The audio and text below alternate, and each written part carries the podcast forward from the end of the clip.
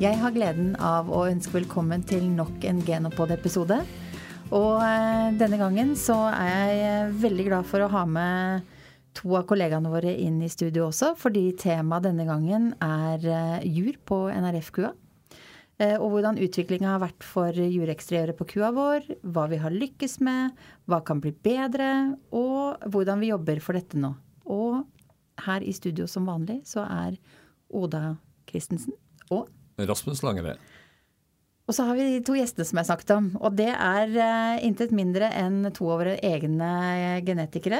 Vi har med oss uh, Håvard Melbo Taje, som er leder for avdelingen for forskning og utvikling i Geno. Og vi har med oss Hanna Retsius. Måtte øve litt på det etternavnet. Retsius Storlien, som er avlsforsker. Og også Mjølkebonde. Ja. Mm. Dette har vi gleda oss til. Det blir spennende. Og Håvard, eh, juryet er jo viktig, noe av det viktigste på kua. Viktig for funksjonalitet og for jurhelse og holdbarhet og, og dyrevelferd. Og vi gjorde noen endringer på vektingen tilbake til 2018. og Kan du si litt sånn innledningsvis om hvordan trenden har vært etter vi gjorde de endringene? Ja, Det viktigste var jo å få totalvekta opp, så vi fikk mer trykk på jureksteriør samla. Og så gjorde vi litt internjusteringer. Eh, så vi har hatt bra framgang på spesielt det som er jurdybde. Eh, fått juret mer opp fra gulvet. Mm. Eh, de øvrige tinga som er bra, det er jurfeste framme og jurfeste bak høyde og bredde, det har vi hatt god framgang på. og Det, er, det betyr ikke at vi er i mål, men det, framgangen er eh, bra. Uh, og um, det, er liksom, det, er de viktigste egenskapene som, som uh, vi har hatt god framgang med etter den uh, omlegginga. Ja. Og Hanna, du driver jo mjølkeproduksjon hjemme. Mm. Hvordan har du opplevd uh, utviklinga på, på jura på NRF Kyren de siste åra? Nei, jeg opplever vel egentlig at jureksteriøret på NRFQ har blitt vesentlig forbedra. Gjennom så langt jeg kan huske. Mm. Jeg husker jo, vi hadde jo båsfjøs i starten. Mm. Og der var det mye digre jur, som jeg trodde var positivt for mjølkeproduksjon på den tida. Men så har jeg vel skjønt at det For det var jo litt ræsomt å få på den mjølkemaskina. Og det har jo blitt bedre og bedre, så det er jo ingenting sammenligna med det jeg ser i dag, da. Så det er positivt. Mm. Og Håvard, hva er eh, tilbakemeldingen fra medlemmene våre på når det gjelder jury? Vi har jo hatt noen sånne web, webinarer eh, der jury har vært tema. De har vært ganske, det er mange som har deltatt der. Men hva, kan du si litt om, om, eh, hva folk er opptatt av? Jo, det er Speneplassering er i hvert fall én gjenganger. Mm. Og der er det et dilemma, og jeg, jeg syns det er en tydelig tendens til at de som har Leli-robot, de vil gjerne ha tettere framspener, og det, det, ser vi internasjonalt, at vi, vi har litt breiere framspener. Så det er de opptatt av. Det er òg en egenskap vi har hatt god utvikling på. Um, speneplassering bak, de blir òg tettere når vi drar framspennene sammen. Og Leli, nei, Delaval-produsentene de er litt mer bekymra for spenneplassering bak. Så det er hver sin robot har hver sitt uh, lille dilemma der. Uh, midtbane bør styrkes, men det er òg litt problematisk med spenneplassering bak. Uh, så det er ja, for, for det du sier er egentlig at det er vanskelig å både lykkes med spenneplassering foran og bak samtidig? Ja, det har en ugunstig genetisk sammenheng på 0,6, mm. og midtbånd har en ugunstig sammenheng til speneplassering bak på 0,5, så, så, det er ganske mye motkrefter mot de speneplass, spene, ja, speneplasseringa bak. Mm. Mm. Og det med midtbånd er jo viktig for å ja. holde juret på plass. Ja, så, så, hvis vi skal raskere Det betyr at midtbåndet har vi ikke fått så god framgang som vi kunne håpe, fordi vi må holde igjen på speneplassering bak. Mm. Så hvis vi, hvis vi, skal lykkes raskere med framgang på midtbanen, så må vi ofre litt speneplassering bak. Dette er jo en sånn balansegang, da, for nå er det elleve sånn delegenskaper som vi skal balansere. Og, og Hanna, liksom ut ifra Hvis du tar liksom praktikerens briller på det, da, hva, hva, ønsker du på en måte skal vektlegges mest av disse delegenskapene?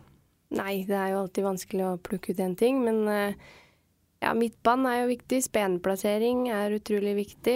Nå i dag så mjølker jo vi i mjølkegrav, men eh, i løpet av sommeren nå så setter vi inn robot. Og roboten kan jo være litt kresen på speneplasseringa, spesielt hvis det spriker eh, litt feil retninger. Så det er vel speneplassering og holde huet oppe, da, mm. som er viktig, spesielt. Ja, for Hvordan har det med robotens frammarsj påvirket avlen på jur? Jeg tror det har eh, økt trykket på og fokuset på eh, gode jur som fungerer godt i roboten. Så det har vært et skift, eh, helt klart. Og så har det vel òg vært en teknologisk utvikling, og kommer til å være det på, på roboten framover. Så det kan hende bli bare flinkere og flinkere til å, å fungere godt på jura. Men Eh, vi kommer ikke unna at jurfester og sånne ting, det er jo funksjonelle ting som mm. uansett teknologi er superviktig at det er på plass. Men da ble jeg litt nysgjerrig, det kan, og det kan hende at det er et spørsmål litt på siden. Men vi jobber sammen med produsenter av roboter, ikke sant? sånn at vi også kan gi den, den vår, vår, kompetanse på jur? Ja, vi, har, vi, har, jo hatt noen dialoger med eh, Delaval spesielt. Det var Vi snakka litt om noe noe kamera og spenekoordinater og sånt, men jeg tror eh, melkerobotprodusentene de, de, tenker nok at mye av de dataene de samler inn fra melkerobotene til å forbedre systemene sine, det er eh, veldig verdifull informasjon for dem som de ønsker å holde tett til brystet. Da. Så det, det, er ikke sånn veldig Vi har ikke veldig tett dialog. Vi har ikke det. Okay. Mm. Men er det noen eh, nye grep vi har tatt, eller nye, har vi fått noen nye verktøy som, gjør, uh, som er nyttig i forhold til avl på jur? Ja, det har, jo skjedd litt uh, i flere steg. I 2016 så starta vi med genomisk seleksjon. og Det betyr at avlsverdiene på hunndyra blei jo òg mye sikrere, og særlig da genotypa hunndyr. Så da er det mulighetsrommet for å drive et godt avlsarbeid på hunndyrsida, på besetningsnivå, mye bedre enn før. Du kan lage kombinasjoner da, som blir mye mer presise med oksene enn det som var før.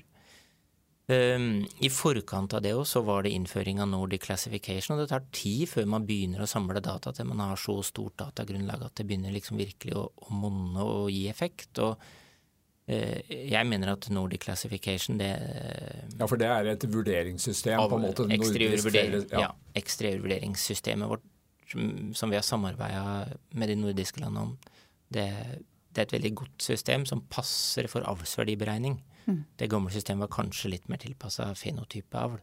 Så det, det, fungerer godt inn i avlsverdiberegningsmodellene. Når vi er inne på det, så er det siste grepet som har vært gjort. Det var før jul, så innførte vi nye beregningsmodeller der vi endra fra i gamle dager, så hadde vi kun første laktasjonsdyr, mm. mens nå bruker vi data fra de fem første laktasjonene. Ja, som er rett Og Det er superviktig, for det er jo, det er jo holdbarheten, åssen dyret utvikler seg over tid, mm. som er viktig. Så vi får med oss den informasjonen. da. Mm. Og Hanna, der er jo dette med at en del som slipper juret litt tidlig, som uh, som gjør at de går ut litt før en skulle ønske. Da. Men jeg vet du jobber med en jurslipsindeks, og det høres jo veldig spennende ut. Ja, eh, vi har jo fått noen tilbakemeldinger fra produsenter opp igjennom. Eh, og de opplever da ved de verste tilfellene at eh, det er en stor belastning for kua, å ha et jurslipp, og det er jo det selvsagt òg for bonden. Um, det er jo forventa at det skal skje en naturlig endring av juret fra laktasjon til laktasjon. Um, og når juret vokser, uh, så vil jo belastningen på jurfesta òg øke, da. Så mistenker vi jo at de med stor melkeproduksjon har da naturligvis kanskje en større belastning. Og ved enkelte tilfeller så kan det da skje at de fester om ryk, da. Mm. Så det er ubehagelig for kua hvis det er på det verste. Det kan jo skje uten at nesten bonden ser det, et jurdslipp. Det er det som er litt sånn det er litt forskjellig grad av utslipp, da. Men ved de mest kritiske tilfellene så er det ganske dramatisk. Og, ja, for da kan det bli blødninger? Og... Ja, og ende da i nødslakt. Ja, ja. Og da kommer jeg litt inn på det prosjektet her, å få tak i data på jordslipp. Og det er litt utfordrende når vi kommer til det her med nødslakt. For det, vi har utrangeringsårsak på jordslipp. Eh, fra 2015 kom det inn. Um, men på nødslakt så er det enda ikke en utrangeringsårsak. Og det er jo data som er veldig verdifullt for oss å få tak i. Mm. Så det har vi spilt inn til Tine og ønsker å få på plass det. Mm. Så når jeg spør liksom om vi har registreringen vi trenger, så er egentlig svaret nei? Nei, fordi det er en krevende sak å ta tak i. Mm. Uh, det er lite data. Um, og vi ønsker å se på da eksteriørvurdering, som vi har vært inne på tidligere. Og se på da kanskje få tak i den hvis det har skjedd en dramatisk endring fra en vurdering til en annen. Og så i dag så har jeg faktisk fått beskjed om at eh, de har fått på plass en avhuking for jurdslipp. Sånn at avhørsrådgivere, hvis de oppdager at her har det skjedd et jurdslipp, så kan de huke av for det. Og det er òg veldig nyttig data for mm. oss å få inn, da. Mm. Og så på sikt så har vi lekt litt med tanken på robotdata. Eh, der er det jo noe som heter eh, spene ikke funnet. Og hvis du da kan se fra en mjølking til en annen, at du plutselig så finner, sliter roboten med å finne spenen, så indikerer jo det at det har skjedd noe med juret, da. Mm. Ja, ikke sant. For dette her, sånn som med jurslipp og sånn, det kan, det kan ramme de beste dyra. Det er det det ofte òg gjør, vet du. Mm de du har. Det er derfor det blir en ekstra stor skuffelse. For det er jo inne de dyra du har størst forventninger til. Vi har jo sjøl opplevd det, så jeg prater av erfaring. Eh, liksom den kviga som Eller hun hadde hatt én laktasjon. Var, vi hadde store forventninger, for hun produserte så bra i første laktasjon. Og så på neste så hadde jeg ikke nesten ikke røket og kalva heller før hele juret brast. Så da var det midtbane som røk, da. Og det endte òg med nødslakt, faktisk. Så det mm. var uh, utrolig trist. ja. så det her er noe jeg har stor motivasjon for å ta tak i. men, men, når tror du at, uh, ha, at, vi kan ha en indeks for, vårt jordslipp på plass? Vi håper jo at vi kan kanskje få til noe innen nyttår, men det er litt sånn mm. vanskelig mm. å si helt sikkert. Mm. Vi får se hvordan det utvikler seg med, ja, med tanke på mengde data. Og, ja. ja, for den er avhengig av data, ikke sant? Vi må ha litt data å jobbe med, skal ja. vi få til noe, ja. Vi må, ha, vi må, høre hvordan det er der ute, og det skal vi også gjøre nå. Nå har vi vår utegående reporter Turi Nordengen som er ute og snakker med en produsent. Så uh, vi skal ta en liten uh, tur ut i fjøset.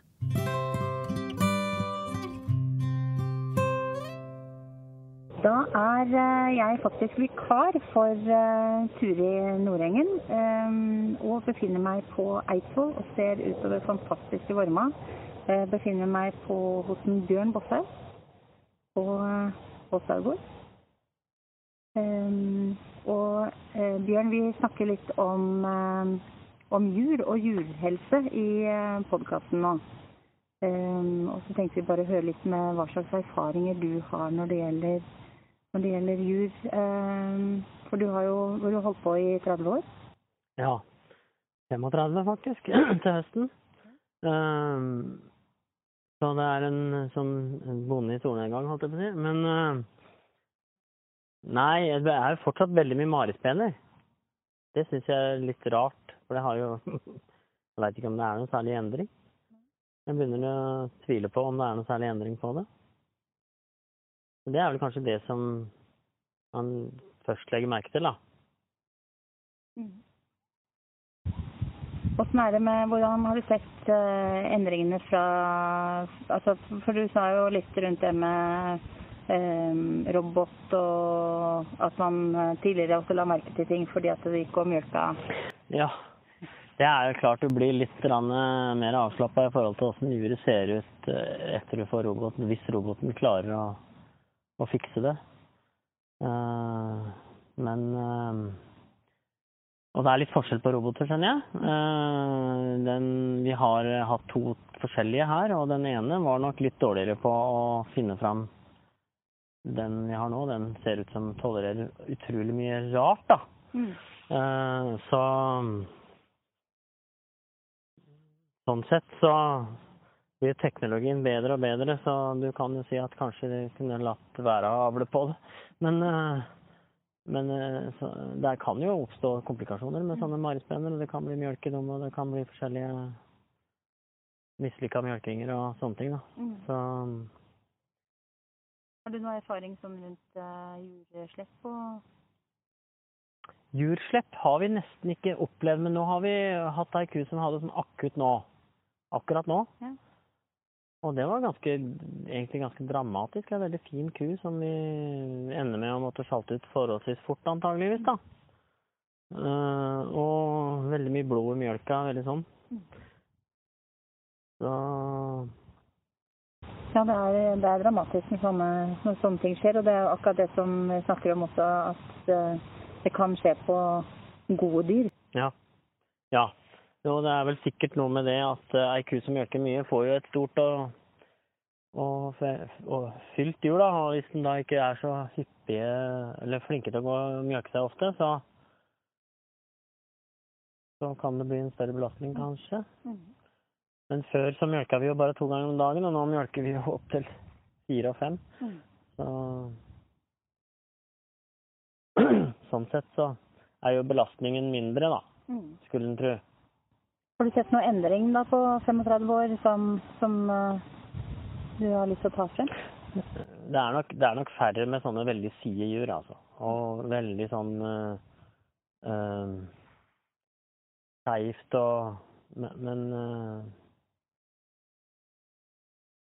jeg er ikke noe typisk avlsperson, jeg da. Jeg er jo bedre på alt det andre. Så eh, jeg har ikke tenkt så nøye over det. Så lenge kua blir mjølka greit i roboten, så er jeg fornøyd. Men jeg ser jo det er enkelte som eh, kunne ha ønska at det holdt litt lenger, da. Før det fikk høyt celletall og sånn. De gode kuene har lett for å komme litt tidlig høyt i celletall, syns jeg. Så om det har noe avls... Det kan være miljøbetinga vær så mye som avl, da. Ja, det skal ikke jeg si noen ting om, men eh, er det noen råd du har eh, når vi skal jobbe videre rundt eh, det med jur? Jeg syns vi fortsatt skal være ganske opptatt av det, jeg. Eh, jeg. Jeg er litt personlig litt kritisk til den der driven mot stadig høyere ytelse. Jeg tror eh, Men det er et større lerret, da. Men, eh, men vi har satsa for mye på kvantitet og for lite på kvalitet. Og Geno har jo egentlig vært flinke da, til å fortsatt ha disse her, det breie avlsmålet. Det synes jeg er kjempeviktig. Så må fortsette med det. Eh, Så har vi Vi bruker jo avlsrådgiver og lar han egentlig styre hele avlsplanen. For at jeg er ikke opptatt nok av okser og linjer og sånne ting til å være en god rådgiver på det. Da sier vi tusen takk til Bjørn, eh, og takk for at vi fikk lov til å komme til Eidsvoll. Jo da. Bare kom igjen. Det gjør vi gjerne. Ja, eh, Håvard, vi prater jo om at er mange jur består av mange, mange ulike egenskaper. og Hvis du ser litt framover, liksom hva tror du blir aktuelt? Tenker både på hvilke delegenskaper som på en måte prioriteres mer, men er det òg aktuelt å, å heve vektinga på jur enda mer enn i dag? Ja, vi skal revidere avlsmålet. Det høres så dramatisk ut. Det blir snakk om finjusteringer. Men jeg tror jureksteriøret må Vi skal trykke enda mer på den egenskapen samla i vektinga. Og så skal vi jo justere litt internt på jureksteriøregenskapenes vekting. Sånn at vi eh, Jurdybde fortsatt eh, relevant å, å trykke på med, men, men vi har Den har blitt så bra at der kan du kanskje vi, vi kan, ta, dempe litt? kan dempe den litt, og kanskje heller trykke på da med jurfester. eh, Og prioritere de litt høyere på bekostning av uh, Julebrød. For julebrød er betydelig bedre i dag enn han var for fem-seks år siden. Så det, det er et eksempel på en justering. Og så må vi ta diskusjonen om prioritering i forhold til speneplasseringer og, og eh, midtbånd, som vi var innom. Mm. den er litt utfordrende, men vi må, vi må tørre å ta noen valg, da. Ja, for det, Hanne, det er jo litt utfordrende her. Og, og registreringen, det er jo subjektive vurderinger av, av de som bedømmer. Og, og kan du si noe om det? Hvilke, hvilke delegenskaper her som er, som er vanskelig å bedømme? Altså sånn, sånn at vi fanger opp det vi egentlig er ute etter? Uh, ja, nei, det er jo eh, greit. De har jo altså avlsrådgivere da, som gjør eksteriørvurderinger, har jo en slags manual de ser på, så de fleste veit jo hva de skal se etter. Og nå som jeg var inne på det med jurslipp òg, da, å gå inn på hva faktisk et jurslipp er, og sånn at de klarer å registrere det på riktig måte. Men det er, som du sier, det er eh, Folk er jo forskjellige, men eh, de følger den samme Mm. oppskrifta, da, for å si det på den måten. Og Vi må jo så vidt nevne det at vi har jo, vi har jo omtalt at vi drev og jobber med en sånn fototeknologi, sånn tredimensjonale bilder. Men det så vidt jeg skjønner, så det har vist seg at det er ganske kompleks teknologi å utvikle helt fram til mål. Ja, det er jo lovende Når du først har fått gode bilder, så, så er det lovende derfra og, og, og ut til å, til å karakterisere jury og kunne lage indekser. Det ser lovende ut. Men det er jo på teknologifronten å lage eh, kamera og det utstyret man skal ha med seg i fjøset, og få det til å fungere med de eh, praktiske forhold som er i et fjøs, som er krevende så å utvikle eh, den, det utstyret eh, fra scratch. Det, det er per nå liksom den, det det står på der vi, vi leiter etter en samarbeidspartner som kan hjelpe oss med å lage den teknologien. Ja, altså Vi må på en måte regne med en del år framover fortsatt å stole på på en måte de, de vurderingene som ja, avlsrådgivere gjør ute, ute på fjøset. Og der har det jo blitt eh, færre. Sånn hver enkelt avlsrådgiver bedømmer jo mange flere dyr, så det vil òg bidra til at den har fått en mye mer profesjonalisering på, på den sida. Helt klart. Jeg, jeg tror vi må basere oss på den type registreringer i, i nærmeste framtid. Og eh, nå er antall avlsrådgivere redusert en del, og ikke til noe forkleinelse av de mange som har bidratt inn i det arbeidet tidligere. Men jo flere kuer de evaluerer per år, jo dyktigere blir de. Så, og de jobber ganske godt med å koordinere seg og, og kalibrere seg mot hverandre. Og, mm. så, så kvaliteten på dataene har bare blitt bedre og bedre hele tida. Spennende. Ja, alt står og faller egentlig på kvaliteten på data. Da. Ja, det er Og registreringer. avgjørende. Helt avgjørende. Mm. Men hvordan bruker eh, du f.eks. også avlsplanen aktivt for, eh, på eh, forbedring av jul? Avlsplan, den er, det er et av de viktigste verktøyene jeg bruker, tror jeg. Og den, er, den oppfordrer jeg og veldig mange andre til å bruke aktivt hvis det er noe spesielt de fokuserer på i besetninga. Så når vi er inne på jur, så er det jo en eh, funksjon der som heter krav til avkom. Og setter krav til avkom. Da kan du gå inn der og justere opp hvis det er noen egenskaper du ønsker å fokusere litt ekstra på eller som du ønsker å forbedre, da. For da setter du rett og slett krav til de oksene som blir brukt, sånn at avkomma blir sånn du har lyst til. Og kan du si noe om arvbarheten? For altså, men jur er en egenskap du kan oppnå en del ved å ta hensyn til på eget fjøs. På, Ja, eh, akkurat arvbarheta sitter sikkert Håvard eh, er sikkert Håvard mer klar for seg, men Ja, Det, det, ligger, det varierer jo en del, da, Ja. men, men eh, de, de som er visuelt veldig tydelige, eh, så er Eksterøy ganske høyarvelig. Eh, Men så er det Det går litt subjektivitet på ting, og så, så et sted mellom 15 og 30% ligger nok de fleste egenskapene på.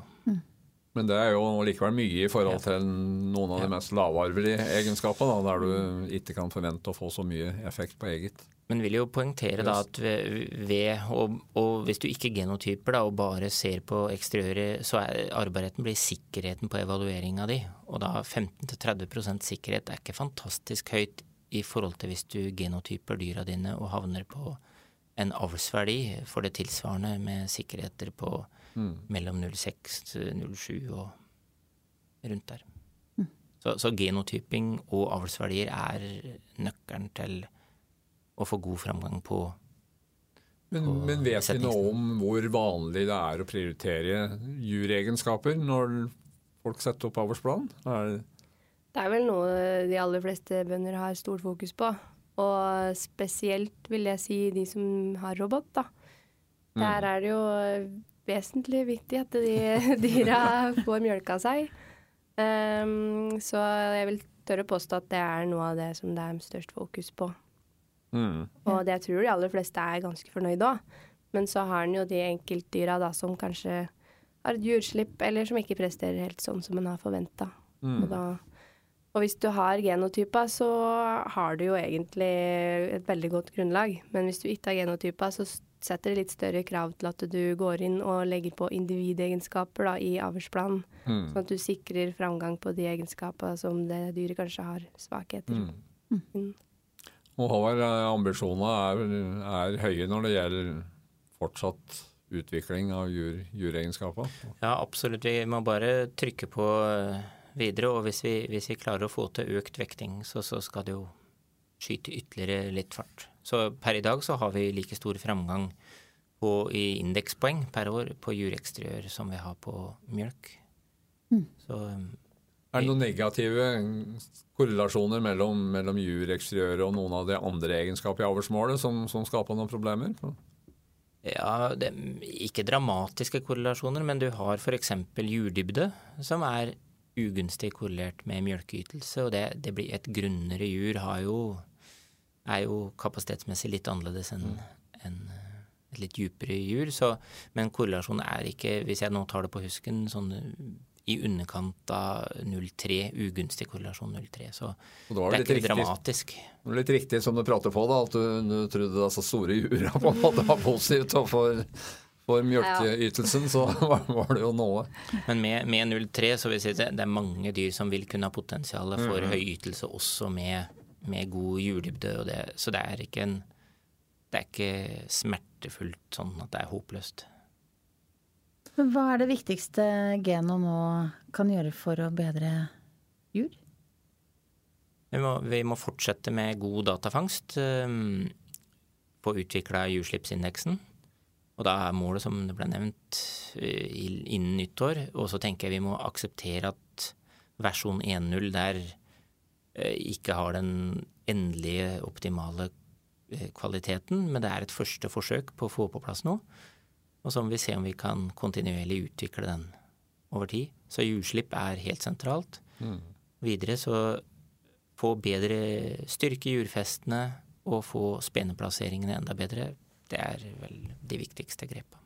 Og Hanna, hva tenker du at bonden altså Nå vet jeg at du har, vi har snakket litt om det, men en god ting kan vel ikke sies for ofte. Hva er det bonden sjøl kan gjøre ut ifra å, å sørge for at hun får uh, um, i, i sin egen besetning å få bra jur? Det er vel også å ta tak i gen- og avlsplan, det. ta en titt eh, på om det Hvis det er noe spesielt som vil forbedres, så er det å bare gå inn der og justere opp krava lite grann, da. Men ellers så er, eh, fungerer avlsplanen ypperlig på egen hånd òg. I hvert fall hvis du har genotypa, da. Ikke sant? Bra verktøy. Mm. Kan skyte inn at vi må kombinere det med genotyping. Da blir det enda bedre. Og så det som alle veit, og som en ikke trenger å nevne egentlig, men det er ikke sikkert gårdsoksene har noe inn i det her å gjøre. Nei, Vi må bruke, bruke eliteoksene. vi prater ikke mye om gardsokser i denne Nei. Nei. Men det er greit å ha nevnt det. da tror jeg vi skal si eh, tusen takk for uh, eh, lytten. Takk for det dere hørte på. Uh, og takk til Hanna og Håvard. Uh, veldig spennende. Eh, og i neste Genopod så skal vi ut og reise, Rasmus. Da skal vi litt utafor landegrensene. Langt utafor. Ja, faktisk. Eh, Vi skal eh, nemlig høre om hva som skjer på det internasjonale markedet, og hvordan det går med genetikkeksporten til Geno. Um, Så det blir en spennende pod-episode. Du finner denne pod-episoden og de andre pod-episodene på vanlige steder hvor du hører pod.